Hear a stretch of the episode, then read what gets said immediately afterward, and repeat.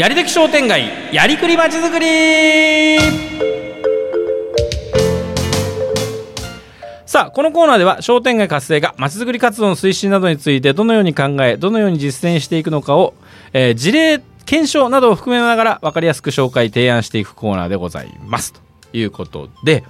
えー商店街の運営組織側が非常にこう考えなきゃいけませんよということの中で、まあ、とにかく第1番目にはいろんな方法で商店街に人を呼んでくると。その役目というのはやっぱり運営側がまず第一に考えなきゃいけないことですと。いうことでいろいろシリーズでご紹介をしまして、その2つ目として、えー非常に今どこの商店街さんでも団体さんでも忘れているのは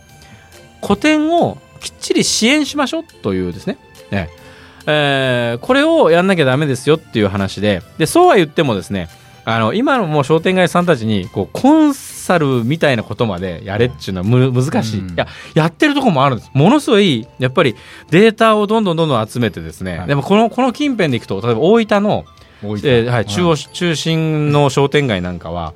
えー交通系のカードとタイアップをしてだから九州だとなんていうんだっけあれすごかじゃないにもか。かなんかああいうね、はい。えー交通系のカードでこうポイントたまるのがあるでしょ。あれを商店街にも全部入れてでそれでそれぞれのお店の方で例えばどういう年代の方がどういうお買い物をどういう時期にしてるかとかそういうのが全部データとして商店街の事務局の方に上がってくる。それを見て、で、例えばそのお店の売り方と、それからその場所的なものとかが合っているかとか、ちゃんと来ているお客さんの年齢層が実はこうで、本当はお店の方が思ってるのとこう離れてますよと。ね、売り方とかキャンペーンの打ち方を変えたらどうですかっていうアドバイスまできっちりやってるところがある。んです。へそこまで行くとすごい。ーすごいですね。ええ、で当然それはね商店街のあの各方面の入り口にセンサーがあって、何時台に何人の方がこの商店街を通ってるかとかを自動で全部ね カウントしてたりするんですけど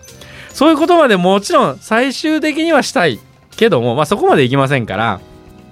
とにかく商店街に自分たちは商店街のメンバーでいるんだということを、えー、とメリットとして感じてもらえるようなことをしないと商店街に組合にも入ってもらえないわけですよね。そうですねえーでどんどん抜けていくばっかりみたいな。でそういうことで、まあえー先週お話ししたのは個展の方がお客さんをつかみやすくするためのいろんなキャンペーンを打ちましょうというのを、えー前回お話をしました。はいで今週でございます、えー次に大事なのはですね経営を支援する情報提供をきちんとしましょうという項目になります。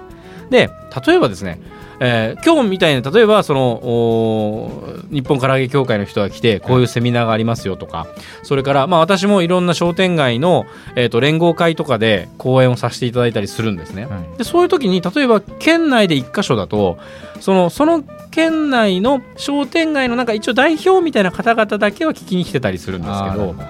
でそれからもちろんその商工会議所さんだったり商工会だったりそれからあーなんだっけあのえー経済産業省中小企業庁あそれからですねあとあるのはね、えー県中央会。うーんともっと言えば今は人材雇用の関係で、えー厚生労働省関係の人たちがですねいろんな実は情報提供のセミナーをやってるんですよほぼ、えー、と毎月、えー、45箇所やってます。一つの県で言っても。ところがですねその案内というのは組合までは実は届いてるんですね、はいはい。組合とそういう団体さんはいろんなめあのルートでつながっているのでこうペーパーでお知らせが来たりメールは来たりファックスが来たりしてるわけですよ。でもそれを自分たちの組合員さんには全然知らせてない。へよっぽど組合員さんが何かのきっかけで事務所に遊びに行ってちらっとなって机の上に来てるファックス見たら「え？こんななんか美味しい？講演会あるの？じゃあこれ行くわ」みたいなことにならない限りなかなか皆さんのところに行ってないわけですよ。でそれは商店街運営組織としてはやっぱり怠慢なんですね。ーはい。え。だから例えばあの私はねよく皆さんにニュースを書いてお知らせしましょうと。でそのニュースを持っていくことによって商店街と商店街運営側はつながりますよって言って何を書いたらいいか分かんないって言われる。いやだったらそのよそから来ているその講習会のそのお知らせだけでもねコピーして1枚ずつ1つの店舗に持ってったらどうですかそれだけで古典とのつながりも強くなるしちゃんと組合は私たちのところに情報を提供してくれてると。でそれを食いつくか食いつかないかはもうお店の自由ですから。ね。そういうふうにきちんとそういう場を、ね、情報を提供してますかということ。それからもう一つはやはり組合の中で、えー、きちんと研修会をやったりね。えー、そういうことをしてますか？で実は組合費というのを集めてあれは情報教育、えー、資金という名目で大抵の組合さん集めてる、はい、でもそれって飲み会に使ったりしてるんですよね。で実はその情報教育用の、えー、会費として集めてるんですからそれをしっかりと使えばいいんですけど例えばまあ例えば私たち単純に言うとね講師を呼んで何かやりたいと言った場合に、えっ、ー、と県とか国とかはそれをややるんだったら例えば3分の2だったり、えっと、うまくすれば10分の9補助しますよと。ね、例えば例えば私が呼ばれていって、はい、交通費とそれから講演料かなんかで、えーまあ、例えば5万円ぐらいかかりますって、はい、でで会場を抑えたりするからトータルで5万円ぐらいかかる。でもそしたら4万5千円は 支援してくれるわけですよ。大きな団体が。ね、そういうのが年間でいくらでもあの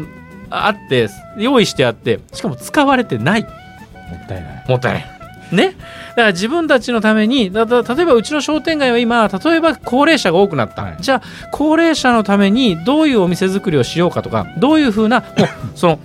あのお客様のサービス、ね、もしくは商店街歩いてるお客さんをどうやって万が一のことがあったらどういうふうにしようかとケアの話でもいいんですよ。その専門家の人を呼んでくるという、えー、講座を開くとか。それからもっともっと例えばお店で物を売ることを支援しようと思えば手書きのポップの講座とか、ね、手書きでできるポップ講座とか、だって今もうそのなんかちっちゃい商店街のお店なんかはその値段の表示もないぐらいのね状況になってるじゃないですか。だからそこにそうやって一つ書くだけで物は売れますと。そういうことを教えてくれる講師の人を呼んでくるとかですね。それをやっぱり組合としてきちんとそういう、えー、研修を設けるという必要もあると思うんです。はい、この2つをやっぱやらなきゃいけませんよと経営支援とその経営支援情報の提供これをするのが組合のもう一つの役目ですっていうお話を今日はさせていただきました。ね、だから今聞いてらっしゃる方でうちの商店街はそういうことをここ数年やってないなと思えば えー、自らねそれをちょっと事務局に提案するとか。でしかも大体ね事務局の方はねあのお金余らしてる割にはお金の心配するんですよ だからいやそういう時は県とか国とかがね必ずねその 補助事業を持ってるからってそこまで言ってあげてください、ね、それからもし聞いている商店街の運営の方々、ね、それ今もしやっててうちやってないなと思ったらそれ反省したら明日からすぐ行動することです、ね、今のうちです。まだまだ、えー、この組合は自分たちのためを思ってくれてると思ってるのは。でもうすぐ4月5月に来て総会を多分皆さんやりますからその頃になって慌ててまた1人抜けたね誰も入ってこないとか言う前に今やっとかなきゃダメです。はいということでございまして商店街の2つ目の古典支援の2つ目の役割、えー、役目経営支援情報をきっちり提供しましょうと。いうお話でございました。今日のやりどき商店街やりくりまちづくりでございました。